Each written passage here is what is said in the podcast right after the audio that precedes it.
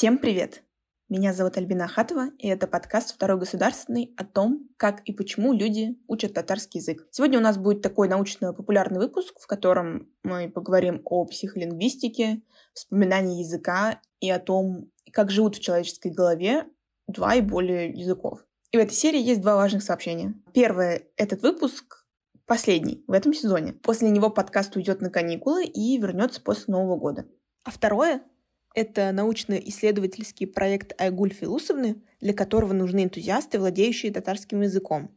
Если вы хотите принять участие в исследованиях в качестве волонтера, помочь собирать данные и лучше понять, как устроена наука, то пишите Айгуль Филусовне.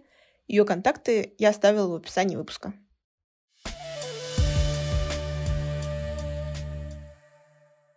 Итак, сначала в этом выпуске мы поговорим про, так сказать, матчасть, что такое психолингвистика, немного коснемся билингвизма, потом перейдем к особенностям вспоминания языка, потому что многие из тех, кто сейчас учат татарский язык, не столько учат его с нуля, сколько вспоминают то, что когда-то знали. И, конечно же, в этом эпизоде будет и несколько личных историй и мыслей, как моих, так и от разных людей по теме этого выпуска. На самом деле, на мысль сделать эпизод про психолингвистику у меня навела история, которую мне рассказал куратор турецкого лицея Рауф. Вы могли его слышать в выпуске о татарском языке в семье, и там Рауф рассказывал о том, что родители не говорили с ним на татарском языке, но он ходил в татарский детский садик, и в школе тоже были уроки татарского языка. То, что отношения с языком складывались не очень гармонично, это другая история. Но пока давайте послушаем ту, которая меня впечатлила. Я уснул, и мне снится, что на землю прилетает, прилетает большой ковш банный. Оттуда выходят маленькие ковшики и разговаривают с людьми. Вообще такой бредовый сон, ну, как обычно, во сне там что-то происходит. Я просто... И меня будет, все, урок закончился. Я выхожу и говорю, что было на уроке. И мне друг говорит, прикинь, читали рассказ э, на татарском, в котором на землю прилетает большой ковш, и оттуда выходят маленькие ковши и общаются с людьми. Я такой, что-то все не знаю татарский, слышав, что происходит там, в принципе, понимал. То есть мой мозг понимал татарский язык. Как бы я, я, я понимал, о чем они читают. Как бы я даже во сне так смог сопоставить, что происходит. Это мне показалось очень прикольным. Вот. Так вот, самое волнующее в теме психолингвистики и билингвизма, как это все воспринимает сам мозг. Об этом мы поговорим сегодня с Айгуль Филусовной Хановой, кандидатом филологических наук и научной сотрудницей Центра языка и мозга научно-исследовательского университета Высшей школы экономики, кстати, моей альма-матер.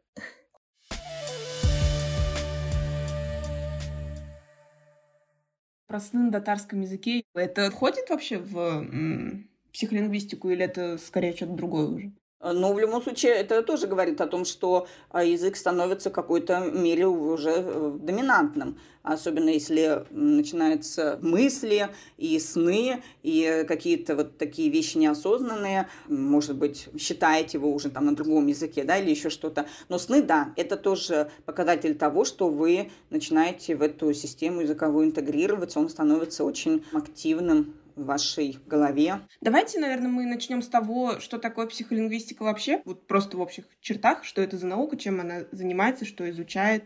Психолингвистика, она зародилась в середине 20 века, и это направление на стыке психологии и лингвистики.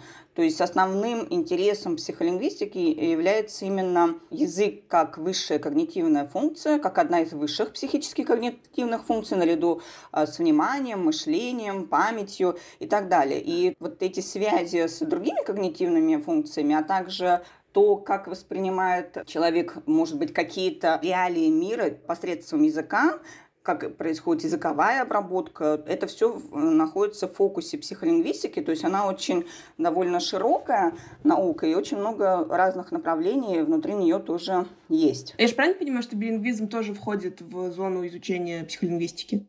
Да, конечно, билингвизм именно как, скажем так, как взаимодействуют два языка в головном мозге человека, как происходит языковая обработка у билингвов, является ли ментальный лексикон или языковая сеть у билингва единой сетью или это две разные сети. То есть это все вопросы, которые стоят в психолингвистике и очень актуально, особенно в последнее время, потому что в, э, в условиях глобализации все больше и больше миграции населения способствует появлению билингвизма, хотя билингвизм исторически присутствовал в эволюции человечества, то есть это не какое-то явление, которое появилось недавно, и я привожу пример лауреата Нобелевской премии 2022 года, то есть в прошлом году, Пааба Сванта получил Нобелевскую премию за исследование в области секвенирования генома. И он выяснил, что в ДНК человека присутствует ДНК также неандертальцев и денисовцев, и это означает, что Homo sapiens активно взаимодействовал на протяжении этого периода эволюции, и а, вот это взаимодействие предполагает также взаимодействие с какой-то другой коммуникативной системой. То есть мы еще не говорим о том, что у неандертальцев или денисовцев был человек, но это была какая-то другая коммуникативная система, и а, в любом случае два языка или две коммуникативные системы, они встраивались в головной мозг на протяжении всей эволюции. И затем были и торговые отношения или какие-то завоевания, которые люди тоже вели на протяжении всей истории. Это все способствовало тому, что два и более языка были очень часто обыденные реалии любого человека на протяжении какого-то определенного периода времени. Ну, я думаю, наверное, даже больше, чем два и, возможно, даже три, потому что, ну, раньше-то не было Google переводчика, поэтому, особенно в странах, например, европейских, где очень много разнонациональных государств рядом друг с другом расположены, и они постоянно друг с другом как-то общаются. У кого-то там родственники, у кого-то друзья и еще что-то, и поэтому как бы несколько языков э, знать это априори для европейцев. Мне кажется, всегда было и до сих пор есть. Ну да, и даже социолингвисты, которые занимаются языковой ситуацией в России, они э, тоже говорят о том, что такие, ну, скажем так, пограничные регионы, допустим, Марийская, Татарская деревня, они тоже активно взаимодействовали, и жители и тех, и других деревень знали и тот, и другой язык. Хотя это не родственные языки, и, соответственно, ну, скажем так, требовало тоже какого-то, ну, такого когнитивного усилия для владения этим языком. Поэтому, да, это было очень типично для всех э, регионов Земли, потому что взаимодействие всегда мы не живем же в каком-то вакууме. В любом случае есть какие-то соседние села. В Дагестане это вообще просто мультилингвизм, потому что там очень много на протяжении вообще истории Северного Кавказа. Очень большое языковое разнообразие способствовало тому, что э, жители аулов знали более там трех-четырех языков. Поэтому вот этот мультилингвизм, билингвизм, он, конечно, является, как я уже сказала, реалией истории человечества. А не уходя далеко от билингвизма, можно я спрошу, билингвом можно стать, потому что как будто билингвом, если не рождаются, то становятся в очень раннем детстве. И что если человек всю жизнь живет с русским, но с какого-то сознательного плюс-минус возраста начинает учить другие языки, то, ну, это не совсем билинг, потому что, ну, как будто бы билингв и, и трилингв, и там более, ну, как будто бы он с самого раннего детства формирует в своей голове сразу два языка и их равноправное, непосредственное, бессознательное взаимодействие. Альбина, да, вы сейчас рассуждаете так, как рассуждали в науке несколько десятилетий назад еще. То есть считалось, что билингвом можно считать только того, кто выучил э, два языка в детстве и э, так далее. Но ситуациях таких на самом деле не так много, и бывает, что человек переезжает в другую страну и начинает осваивать другой язык, и этот язык становится его доминантным, потому что это язык его работы, его каких-то дружеских новых связей. И считать ли нам такого человека билингвом? То есть пример такой очень яркий. Петерим Сорокин, социолог известный, он был выходцем из республики Коми, то есть его родным языком был язык Коми, а затем он учился в школе на русском языке, поступил в университет, освоил немецкий, латынь, французский, э, потому что это был был язык науки, и очень много лекций и статей научных были написаны на этих языках. И после Октябрьской революции, когда он мигрировал в США, ему было уже за 30, то есть это довольно зрелый возраст, английский он не знал. То есть он его выучил уже в эмиграции, и это позволило ему также успешно преподавать в университете на английском языке. Все заметки его, которые он делал в книгах, он тоже делал их на английском языке. Там были и русские заметки, то есть это тоже было очень интересное такое социолингвистическое исследование, какой язык все-таки был его доминирующим, на каком он думал, когда обрабатывал, скажем так, информацию, научную информацию на английском языке, то есть язык мысли. И вот этот тезис о том, что билингв – это человек, который выучил два языка в детстве, это не совсем верно. Поэтому, как говорит Франсуа Гражан, тоже очень известный исследователь билингвизма, все-таки мы должны считать билингвом того, кто использует два языка в своей повседневной жизни. Ну, то есть практически ежедневно. То есть мы не говорим, что вот прям каждый день, если вы используете его через день или два-три раза в неделю, можем ли мы тогда считаться билингвом. Тут нет каких-то строгих рамок, но если вы используете два языка ежедневно, общаетесь э, с семьей или с кем-то на одном языке, на работе а, это другой язык, то вы уже можете считаться билингвом, и в группу билингвальных испытуемых вы уже тоже можете попасть. И туда попадают в научных исследованиях, когда проводят исследователи какие-то билингвальные эксперименты, попадают также люди, которые начали изучать как второй иностранный язык, ну, вернее, как иностранный язык. То есть это так называемые L2 learners, Э, изучающие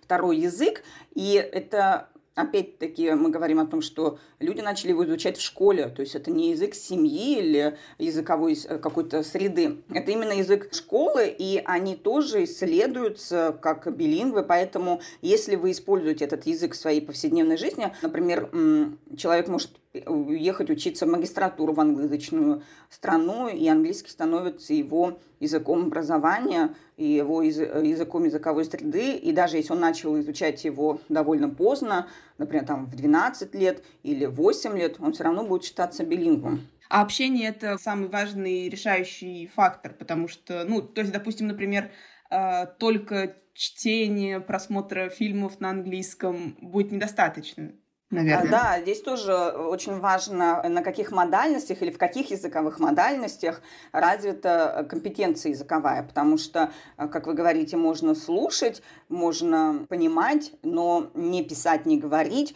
Это вопрос, который тоже очерчивают обычно в исследованиях, потому что есть такая группа билингов, как херитажники. То есть это те люди, которые унаследовали язык, допустим, русский в Америке. Они знают русский язык именно в устной форме, понимают, на нем говорят, но не умеют читать и писать, потому что не ходят в русскую школу и не занимаются обучением на русском языке. И поэтому какие-то исследования, в которых нужно что-то прочитать, они такие исследования пройти не могут. Э, нужно составлять специально какой-то дизайн эксперимента, где они могут только слушать или видеть, или отвечать, но не э, читая. Касаясь вашего вопроса, если только слушать музыку, то это, скорее всего, недостаточно. То есть все-таки нужно ну, хотя бы писать еще или э, что-то говорить, потому что насколько у человека, который слушает музыку, развито понимание услышанного. Языковые модальности, они тоже э, играют важную роль, и обычно, когда оценивают билингвов, то ну, пытаются в любом случае оценить уровень владения языком, подразумевая, что это и говорение, и понимание в том числе. А вот вы сказали про херитажников. Можно ли назвать нынешних носителей татарского языка ну, херитажниками? Большое количество молодых татар типа в возрасте до 30, около того, татарский язык, ну, знают меньше, чем их родители, и тем более бабушки. Я вот как бы подумала о том, ну, пока занималась подкастом, что вот получается наши бабушки и дедушки, они были однолингвами, наши родители уже билингвами, потому что в их среде было намного больше русского языка. И дети этих родителей снова однолингвы, но уже не говорят на русском. Вот. И татарский, ну, сильно меньше знают, пользуются. И то есть получается, что та часть татарского, которую они знают, она унаследованная или какая? Ну, про херитажников все-таки говорят в том случае, когда они в иной языковой среде живут находятся. То есть э, пока мы живем в Татарстане, пока у нас все-таки есть, скажем так, языковая среда, хотя это тоже вопрос, э, насколько она представлена в городах, нежели чем в деревне, в сельской местности. Но в любом случае в данной ситуации говорит о херитажниках в Татарстане, носители татарского языка или унаследовавших татарский язык, мы пока не можем, именно с научной точки зрения, хотя языковая ситуация складывается, конечно, таким образом, что именно языковая среда, она практически теряется, уходит, и это тоже не есть хорошо для овладения языком.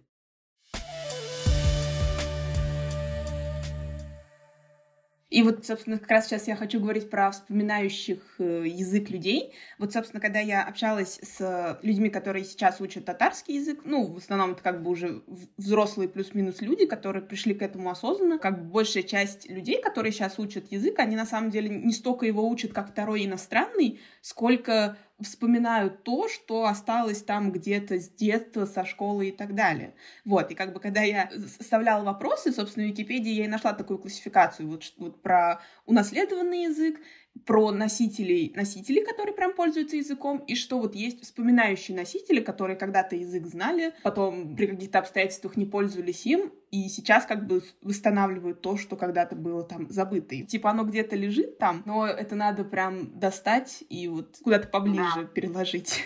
Да, я согласна, что у людей есть такое ощущение, просто потому что этот язык был языком, который они слышали, возможно, в утробе мамы, возможно, они слышали его в своем самом раннем окружении. И это очень важно, потому что исследования, которые проводятся с детьми по усвоению языка, они показывают, что ребенок реагирует уже в возрасте трех недель с рождения, он отличает звуки родного языка от звуков неродного языка.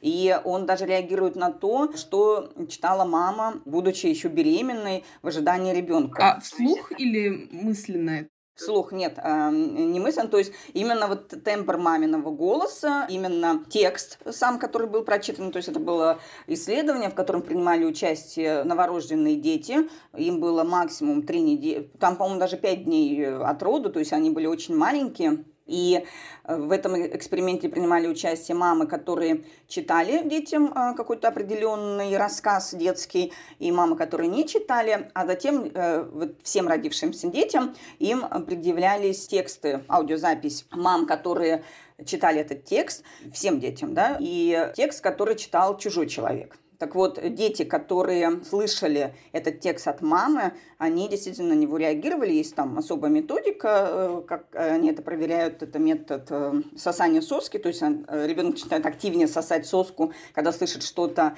более знакомое. И вот именно этот метод показал, что да, дети действительно реагировали на текст, который читала мама, будучи беременной. Она, я сейчас могу ошибаться, это были последние сроки беременности. И по продолжительности я тоже могу ошибаться, может быть, три недели она читала каждый день один и тот же текст.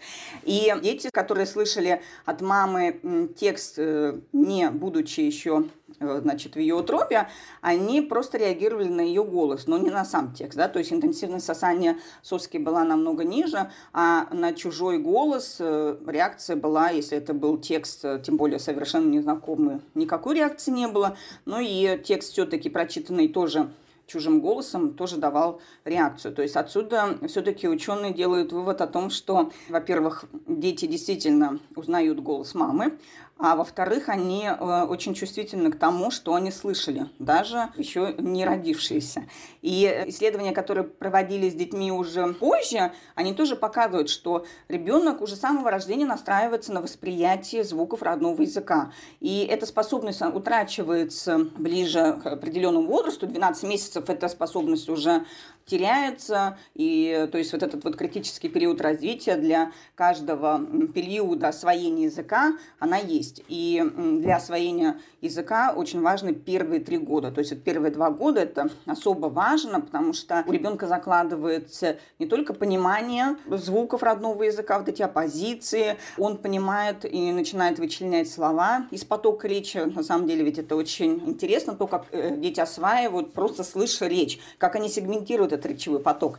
И, э, соответственно, те люди, которые слышали в своем раннем детстве язык, это могла быть и мама, это могло быть и близкое окружение, но потом они, возможно, пошли в детский сад, переехали, уехали и э, потеряли этот язык, то есть это э, язык не стал языком владения, они на нем не говорят, но вот эта память, она сохранилась. И во всех анкетах, которые обычно заполняют билингвы, очень важный такой предиктор или, как мы говорим, предсказывающий параметр именно возраст усвоения населения. Он всегда статистически значим во многих э, исследованиях на различные функции. То есть возраст усвоения языка, он э, важен и, допустим, при нарушениях речи, когда у человека случается афазия, то есть он вследствие инсульта теряет речь или нарушение речи, так вот, восстанавливаются легче или практически не теряются те слова, которые были усвоены раньше.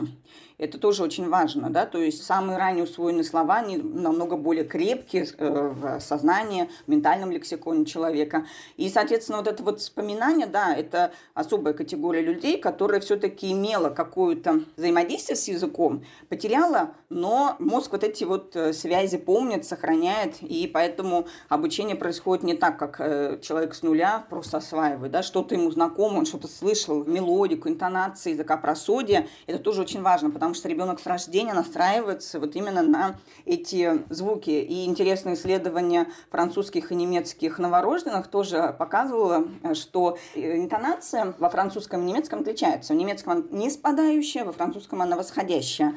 Так вот, когда ученые записали плач новорожденных детей французских и немецких, и потом э, выстроили такую модель этого плача, так рисунок вот этого плача, акустический рисунок, он как раз очень четко совпадал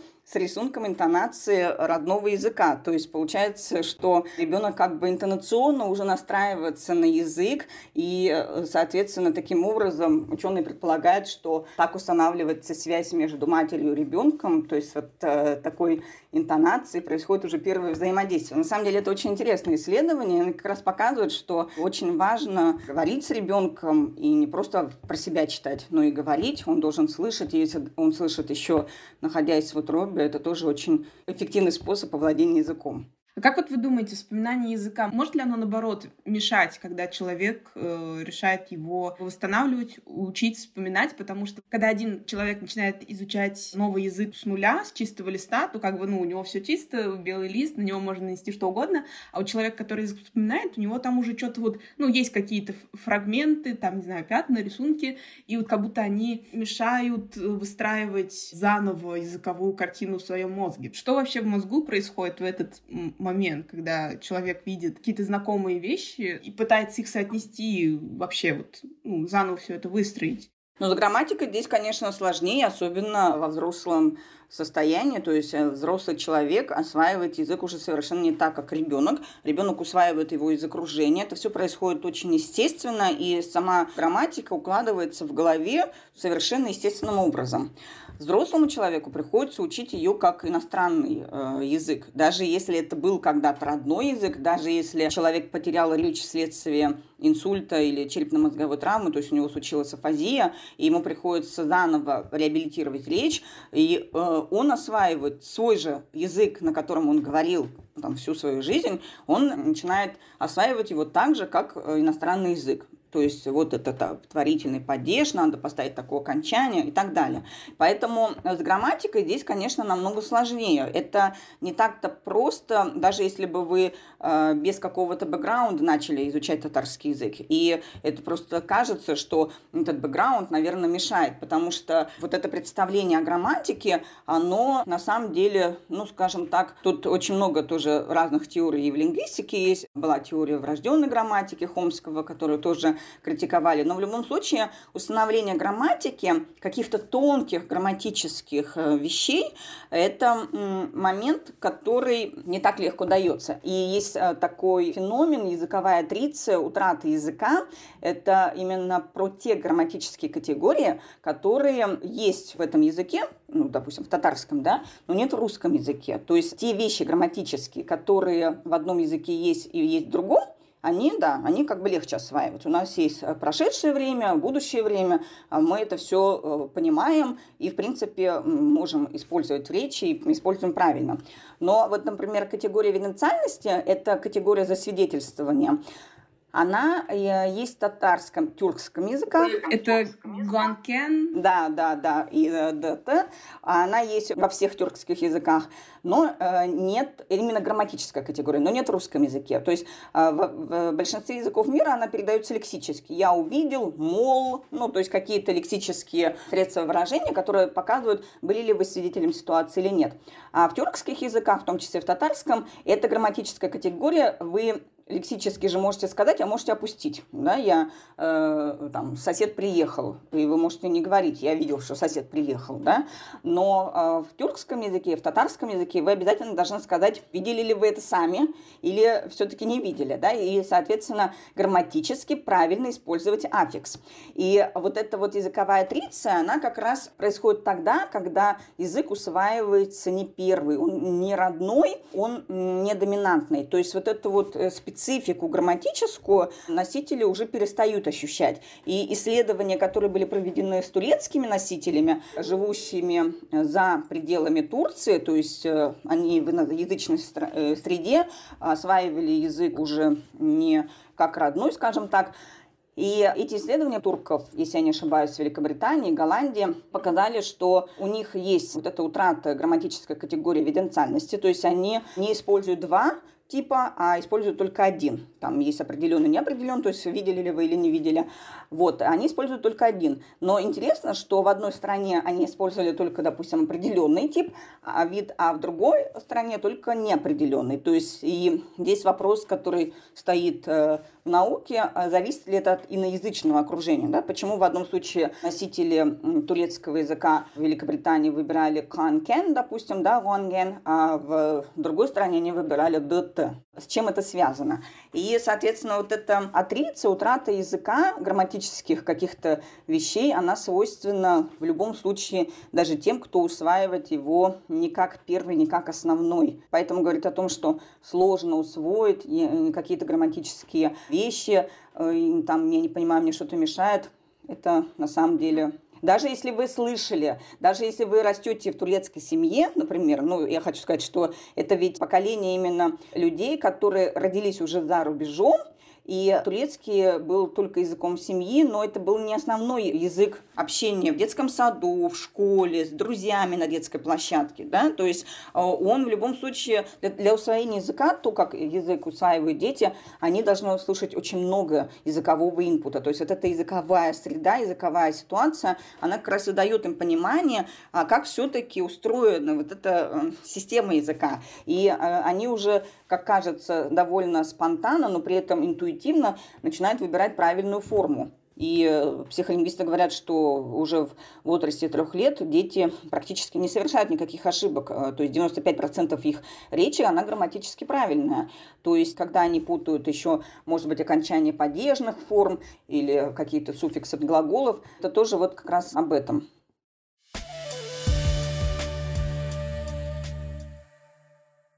Несколько историй о том, как возвращение в татарскую языковую среду освежает знания и умение пользоваться языком, может рассказать моя мама. Как она сама мне говорила, ее родители, ну, то есть мои бабушка и дедушка, разговаривали между собой по-татарски со своими детьми, ну, то есть с моей мамой, ее братом, моим дядей. Тоже говорили по-татарски, но те предпочитали отвечать им по-русски. Вот как-то после второго или третьего курса э, нас отправили на картошку в деревню, колхоз. Оказались мы в Кряшинской деревне. Для меня было удивительно, что, условно говоря, какой-то там Иван Иванович с трудом разговаривал по-русски. И мне пришлось быть как бы между деревенскими и нашими девочками буфером. А они, в свою очередь, удивлялись, что я татарка, так трудно изъясняюсь по-татарски. Ну, вот пришлось с ними разговаривать, мне вспоминать свой татарский. Потом еще был как-то случай, когда я уже работала на заводе, нас послали в колхоз, видимо, там, ну, в виде шефской помощи. И там нас поселили, ну, на квартиру несколько девочек, поселили в дом к хозяйке. Естественно, она по-русски ничего вообще не знала. И поэтому мне пришлось тоже разговаривать целый месяц с ней по-татарски. И когда я вернулась уже домой, в Казань, я жила у, у бабушки, хозяйки на квартире. И ну как-то я приехала и стала с ней как-то автоматом говорить по-татарски. И она так со смехом на меня посмотрела, говорит, «Оу, син татарша якшы сөйләшә башлагансың». В общем, она отметила мой улучшившийся татарский.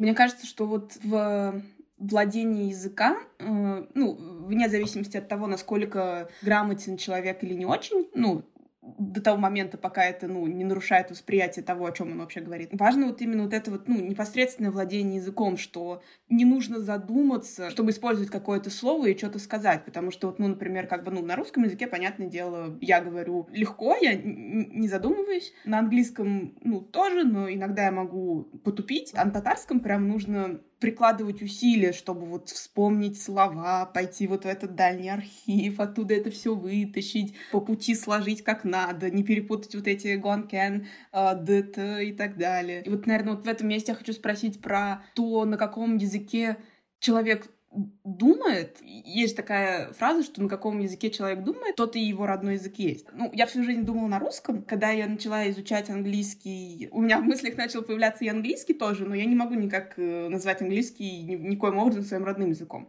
Вот, а когда я начала заниматься, собственно, татарским языком и подкастом в том числе, в голове тоже появился татарский в очень большом количестве. И, то есть это вот как будто не знаю, языку позволяют зайти вот в это пространство мысли и мозга. Я, наверное, сейчас больше свои эти впечатления описала, чем вопрос задала, наверное. Понимаю, о чем вы говорите. В билингвизме есть э, такая модель, э, билингвальная интерактивная модель называется. Она о том, что когда вы говорите, э, билинг в любом случае подавляет язык второй то есть, ну или там третий, да, допустим. При этом вот это подавление, оно зависит от многих факторов, от возраста усвоения, от уровня владения и от использования языка. То есть, как только язык становится частью вашей повседневной жизни, вам приходится, например, на нем говорить или слушать или читать, то он начинает активироваться.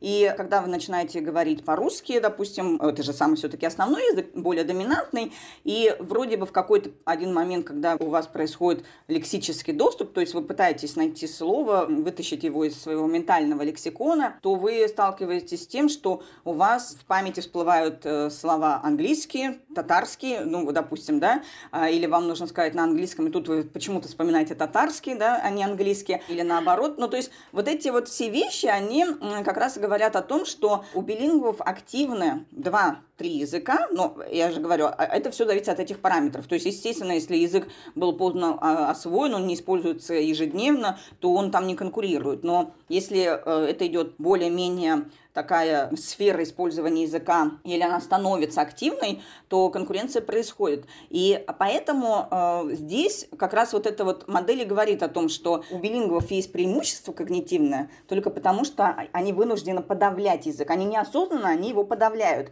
И вот этот вот э, ингибиторный контроль, то есть э, контроль торможения, он дает преимущество в том, что мозг как бы проводит такую зарядку ментальную, он переключается. И вот это это когнитивное преимущество, оно приводит э, к некому когнитивному резерву, который копит человек на протяжении всей своей жизни. Это может складываться когнитивный резерв из разных областей. Вы начинаете новую деятельность, э, там, шахматы начали играть, вышивать крестиком, еще что-то. Эти какие-то новые знания образуют новые синаптические связи, ваш мозг тренируется, переключается. Но билингвизм считается самым простым, то есть вам не нужно, по сути, ничего делать нового, учить, как-то напрягаться, вам просто нужно общаться на двух языках, делать выбор в пользу того, что говорите на другом тоже, когда мы можем сказать, ну, нас и так поймут, да, зачем я там, там буду использовать его с продавцом в магазине или там с бабушкой около подъезда, она меня и по-русски поймет, да, но Общаясь на двух языках, вы тренируете свой мозг. Мозг в это время подавляет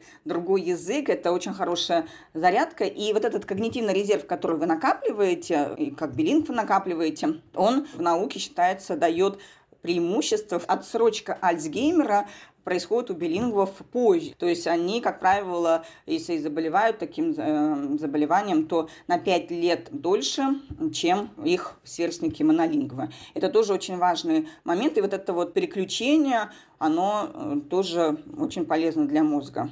Случай, который меня прям очень сильно впечатлил, связанный с тем, как один язык э, подавляет другой, и один язык начинает занимать больше места в мозгу, чем предыдущий. Летом друг мне написал, что он поедет в Сочи, и я начала набирать ответ. Значит, запятая, будешь в море. И тут у меня просто наступила какая-то пауза, и я поняла, что я хочу написать не плескаться, а каинаться. То есть То есть у меня осталась русская морфема и корень из татарского слова. Поясню, что кайнарга — это купаться, и то есть у меня соединилось два слова, и, и мой мозг подумал, что ничего такого в этом нет странного. То есть я несколько минут сидела и пыталась написать слово «плескаться». То есть мне это стоило буквально и умственных, и физических усилий написать как надо. Это была борьба. Я сижу и пытаюсь написать «П», но пальцы тянутся к и я такая, типа, в смысле, что происходит? Мозг, ты делаешь что-то не то. Типа, так нет, все норм, пиши-ка инаться, что не так. Но это как раз типичный случай. Есть две гипотезы, как происходит вот эта активация при билингвизме. У вас есть один концепт, например, собака, да, и а, на каком языке вы активируете, в каком случае вы скажете собака, в каком это. Одна гипотеза гласит, что это все-таки языкоспецифичное, то есть мы как бы настраиваемся на один язык, и, соответственно, этот концепт активирует именно тот язык, который нужен. А другая гипотеза, и все-таки она считается более приближенной к реальности, она как раз говорит, что концепт активирует все языки, которые есть, то есть это не языкоспецифичная активация происходит на одном уровне, но то, что там будет выбрано, зависит от многих факторов. И вот эти модели, а как они описывают лексический доступ, то есть как происходит извлечение слова из ментального лексикона, тоже как раз и говорит, что там происходит еще тоже конкуренция. И конкуренция тоже происходит по нескольким причинам, если какие-то, ну, скажем так, орфографические соседи, семантически близкие слова и так далее. То есть у вас тут семантически близкая категория была в вашем примере, и, соответственно, активировалась именно эта лексема, и вот эта конкуренция, и в итоге селекция, то, что вы выберете, это тоже происходит, по сути, вот именно неосознанно, и, в принципе, это тоже типичный случай, как раз, который доказывает состоятельность той или иной гипотезы. Потому что как раз, когда мы говорим, какая модель более верна, у ученых очень много разных теорий, предположений, и какие-то речевые ошибки, как раз они и показывают, э, что ну, наверное, именно вот эта модель все-таки более приближена к реальности, да. И видите, вот эта интерференция, которая была с русского языка, то есть морфемна именно глагола, она была присоединена к корневой морфеме, это как раз вот тоже еще одно подтверждение в пользу того, что извлекаем ли мы слова целым словом, да, то есть цельнословный доступ, или у нас декомпозиция. Сначала корневая морфема, а потом к ней присоединяем аффиксы. То есть как это все хранится. Слов очень много, как вообще головной мозг это все может поместить, особенно если это знание нескольких языков. И поэтому такие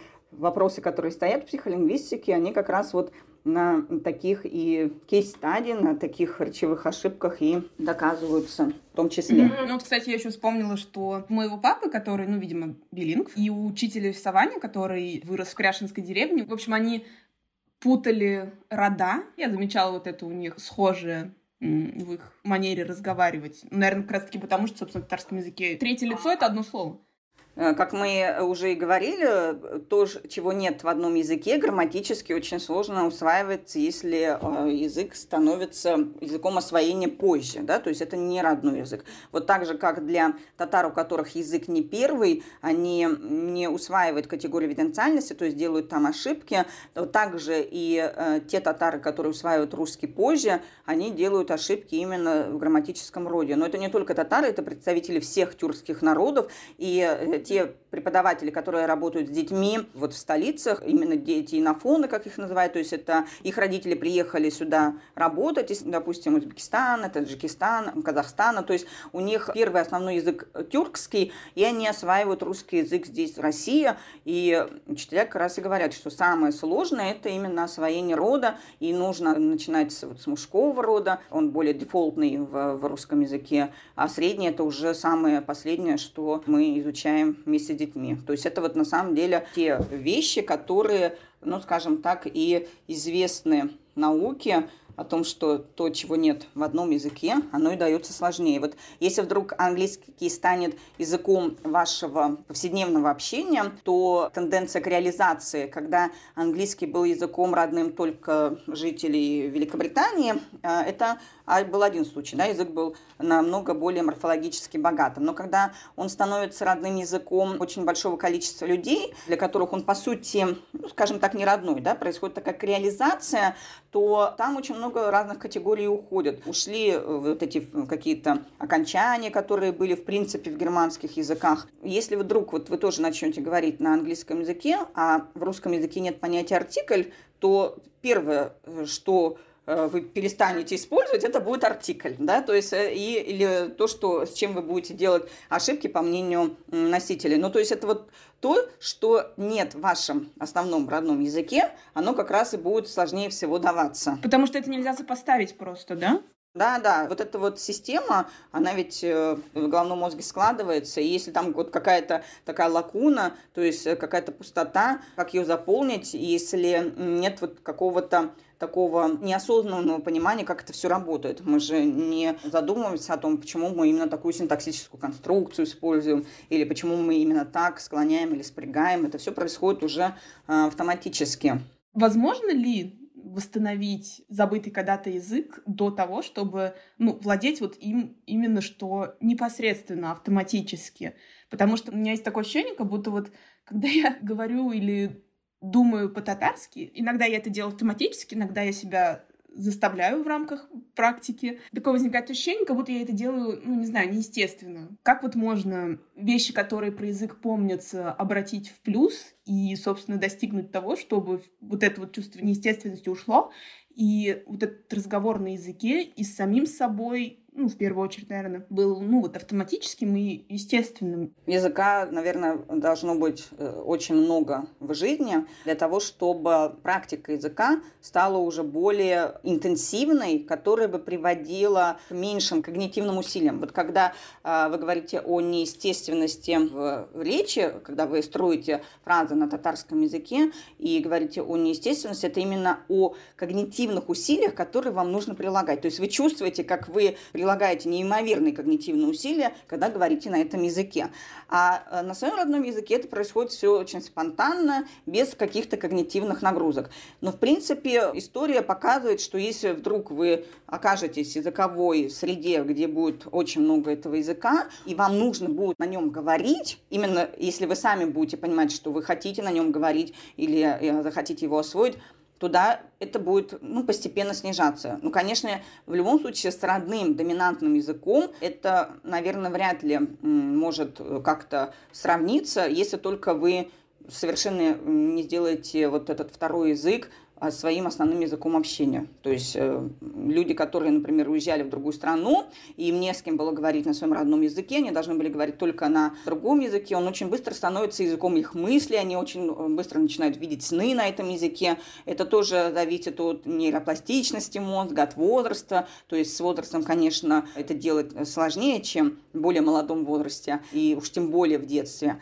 Но в любом случае, вот эта практика, если каждый день говорить или слушать, и говорить, то впоследствии вы сами поймете, что когнитивных усилий э, будет все меньше и меньше э, затрачиваться, и это будет более и более естественно. Ну, конечно, у вас ощущение того, что вы прям свободно говорите, не будет, потому что это все-таки возраст усвоения, тот самый предиктор, тот самый предсказывающий параметр, он здесь тоже будет влиять. И когда вы будете слушать э, человека, который в детстве очень много говорил и говорил только на татарском, конечно, вы, сравнивая себя с ним, будете сравнивать не в свою пользу. Но в любом случае, сравнивая самого себя с тем, что было вчера, позавчера, год назад, вы увидите вот эту вот э, сильную разницу, этот прогресс, который и позволит вам затрачивать меньше когнитивных усилий. Но чтобы была мотивация именно к такой интенсивной практике, помните о когнитивном преимуществе, о когнитивном резерве и о том, что по сути, это, как э,